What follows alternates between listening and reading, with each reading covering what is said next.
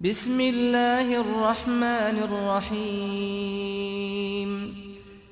أرأيت الذي يكذب بالدين فذلك الذي يدع اليتيم ولا يحض على طعام المسكين. فويل للمصلين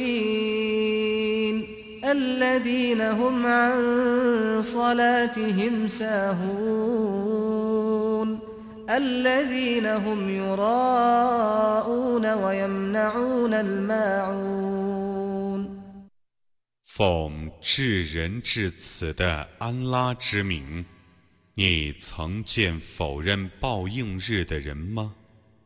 他就是那个呵斥孤儿，且不勉励人赈济平民的人。